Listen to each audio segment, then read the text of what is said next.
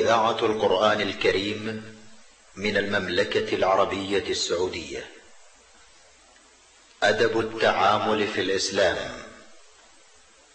برنامج أسبوعي من إعداد وتقديم الشيخ محمد بن إبراهيم الحمد. البرنامج من تنفيذ عبد الكريم بن أحمد المجحد. بسم الله الرحمن الرحيم. الحمد لله رب العالمين والصلاة والسلام على أشرف الأنبياء والمرسلين نبينا محمد وعلى آله وصحبه أجمعين. أما بعد فسلام الله عليكم ورحمته وبركاته. معاشر المستمعين كان الحديث في الحلقة الماضية يدور حول بعض الأخطاء التي تنافي أدب المحادثة والحديث في هذه الحلقة إكمال لما مضى فمن الأخطاء في هذا الباب الحديث عن النفس على سبيل المفاخرة فبعض الناس لا يفتأ يتحدث عن نفسه فيذكر محاسنها ويمتدح أعماله ويفتخر بما يصدر منه من أياد وأفضال ويدخل في ذلك تحدثه عن إعجابه بكلامه وتصنيفه وشعره وسائر ما يخصه بمناسبة وغير مناسبة. ويدخل في ذلك أيضا حديثه عن ذكاء أولاده وذكر أخبارهم والحديث عن زوجته وحسن تدبيرها ونحو ذلك. والأصل في مدح الإنسان نفسه المنع. لقوله عز وجل فلا تزكوا أنفسكم. وتزكية النفس داخلة في باب الافتخار غالبا.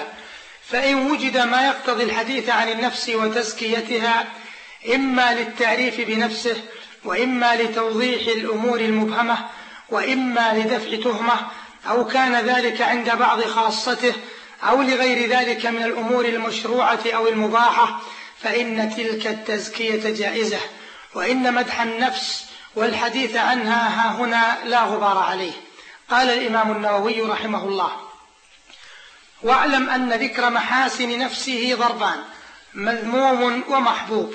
فالمذموم أن يذكر للافتخار وإظهار الارتفاع والتميز على الأقران وشبه ذلك والمحبوب أن يكون فيه مصلحة دينية وذلك بأن يكون آمرا بمعروف أو ناهيا عن منكر أو ناصحا بمصلحة أو معلما أو مؤدبا أو واعظا أو مذكرا أو مصلحا بين اثنين أو يدفع عن نفسه شرا أو نحو ذلك.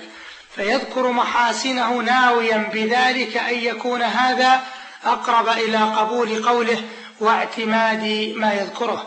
وقد جاء لهذا المعنى ما لا يحصى من النصوص. ثم ساق رحمه الله أمثلة على ذلك. قال ابن المقفع وإن أنست من نفسك فضلا فتحرج من أن تذكره أو تبديه. واعلم أن ظهوره منك بذلك الوجه يقرر لك في قلوب الناس من العيب أكثر مما يقرر لك من الفضل. واعلم أنك إن صبرت ولم تعجل ظهر ذلك منك بالوجه الجميل المعروف عند الناس ولا يخفين عليك أن حرص الرجل على إظهار ما عنده وقلة وقاره في ذلك باب من أبواب البخل واللؤم وأن خير الأعوان على ذلك السخاء والتكرم.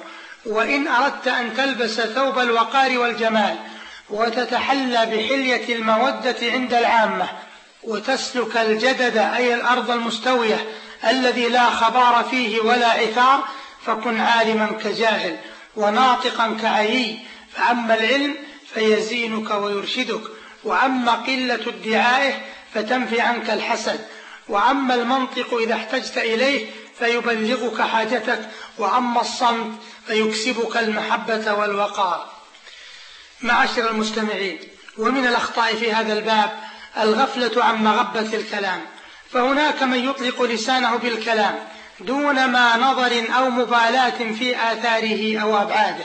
فتجده يطلق القول على عواهنه غير عابئ بما يجره عليه من بلاء أو شقاء. فلربما كان سببا في مقتله ولربما كان سببا في إذكاء عداوة أو إشعال حرب أو نحو ذلك. قال أكثم بن صيفي مقتل الرجل بين فكيه يعني لسانه.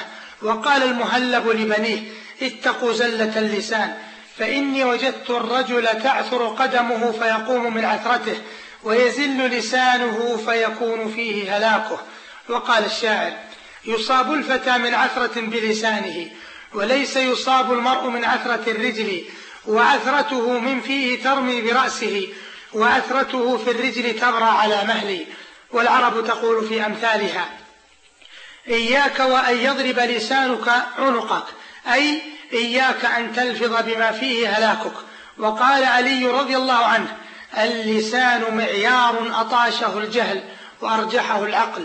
وقال بعض البلغاء إلزم الصمت فإنه يكسبك صفو المودة ويؤمنك سوء المغبة ويلبسك ثوب الوقار ويكفيك مؤونة الاعتذار. وقال بعضهم اعقل لسانك إلا عن حق توضحه أو باطل تدحضه أو نعمة تذكرها قال طرفة بن العبد. وإن لسان المرء ما لم تكن له حصاة على عوراته لدليل. يقول إذا لم يكن مع اللسان عقل يحجزه عن بسطه فيما لا يحب دل اللسان على عيبه بما يلفظ به من عور الكلام. وقال الآخر رأيت اللسان على أهله إذا ساسه الجهل ليثا مغيرا. وقال عمرو بن العاص رضي الله عنه زلة الرجل عظم يجبر وزلة اللسان لا تبقي ولا تذر بل إن الإنسان قد يتكلم بكلمة لا يلقي لها بالا يهوي بها في جهنم. فعن أبي هريرة رضي الله عنه عن النبي صلى الله عليه وسلم قال إن العبد ليتكلم بالكلمة من رضوان الله لا يلقي لها بالا يرفعه الله بها درجات. وإن العبد ليتكلم بالكلمة من سخط الله لا يلقي لها بالا يهوي بها في جهنم. أخرجه البخاري. ولهذا يجب على العاقل أن يخزن لسانه وأن يزن كلامه حتى لا يقع فيما لا تحمد عقباه فيندم ولا تساعة مندم. قال ابن المقفع اعلم أن لسانك أداة مصلته يتغالب عليه عقلك وغضبك وهواك فكل غالب عليه مستمتع به وصارفه في محبته. فإذا غلب عليه عقلك فهو لك وإن غلب عليه شيء من أشباه ما سميت لك فهو لعدوك. فإن استطعت أن تحتفظ به وتصونه فلا يكون إلا لك ولا يستولي عليه أو يشاركك فيه عدوك فافعل. وقال الماوردي رحمه الله واعلم أن للكلام شروطا لا يسلم المتكلم من الزلل إلا بها ولا يعرى من النقص إلا بعد أن يستوفيها. وهي أربعة شروط. فالشرط الأول أن يكون الكلام لداع يدعو إليه إما في اجتلاب نفع أو دفع ضرر. والشرط الثاني أن يأتي في موضعه ويتوخى به إصابة فرصته. والشرط الثالث أن يقتصر فيه على قدر الحاجة والشرط الرابع أن يتخير اللفظ الذي يتكلم به. ثم شرع رحمه الله بتفصيل ذلك بكلام جميل في كتابه أدب الدنيا والدين. وقال الزمخشري خير الألسن المخزون وخير الكلام الموزون. فحدث إن حدثت بأفضل من الصمت وزين حديثك بالوقار وحسن السمت. إن الطيش في الكلام يترجم عن خفة الأحلام. وما دخل الرفق في شيء إلا زانه وما زان المتكلم إلا الرزانة. معاشر المستمعين ومن الأخطاء في باب المحادثة قلة المراعاة لمشاعر الآخرين. فمن الناس من هو غليظ الطبع. كثيف النفس صفيق الوجه. لا يحجزه عن المبادئ اليقين. ولا تلزمه المكارم مروءة. لا يراعي مشاعر الآخرين. ولا يأنف من مواجهتهم بما يكرهون. فإذا ما حضر مجلسا وابتدر الكلام وضعت يدك على قلبك خشية أن يزل أو أن يفرط على أحد من الحاضرين. فإذا ما وجد مجالا يشبع به طبيعته النزقة الجهول هام على وجهه. لا ينتهي له صياح ولا تنحبس له شرة. فتارة يذكر الحاضرين بعيوبهم وتارة يؤذيهم بلحن منطقه. وتارة يذكرهم بأمور يسوءهم تذكرها. أكب رجل من بني مرة على مالك بن أسماء يحدثه في يوم صيف ويغمه ويثقل عليه ثم قال أتدري من قتلنا منكم في الجاهلية؟ قال لا ولكني أعرف من قتلتم منا في الإسلام. قال ومن هم؟ قال أنا. قتلتني اليوم بطول حديثك وكثرة فضولك. قال ابن القيم رحمه الله ومنهم من مخالطته حمى الروح وهو الثقيل البغيض العقل الذي لا يحسن أن يتكلم فيفيدك ولا يحسن أن ينصت فيستفيد منك ولا يعرف نفسه فيضعها في منزلتها.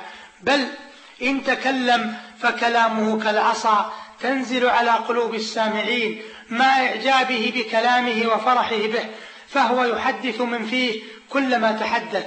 ويظن أنه مسك يطيب به المجلس وإن سكت فأثقل من نصف الرحى العظيمة التي لا يطاق حملها ولا جرها على الأرض.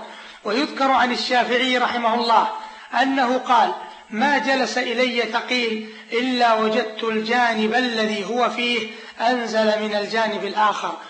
ولهذا فالرجل النبيل ذو المروءة والأدب هو من يراعي مشاعر الآخرين فلا يؤذيهم بكلمة ولا يجرح مشاعرهم بإشارة أو نحوها بل يحفظ عليهم كرامتهم وما أوجوههم. قال بعضهم صحبت الربيع بن خثيم عشرين عاما ما سمعت منه كلمة تعاب. معاشر المستمعين للحديث بقية وصلة في الحلقة القادمة إن شاء الله.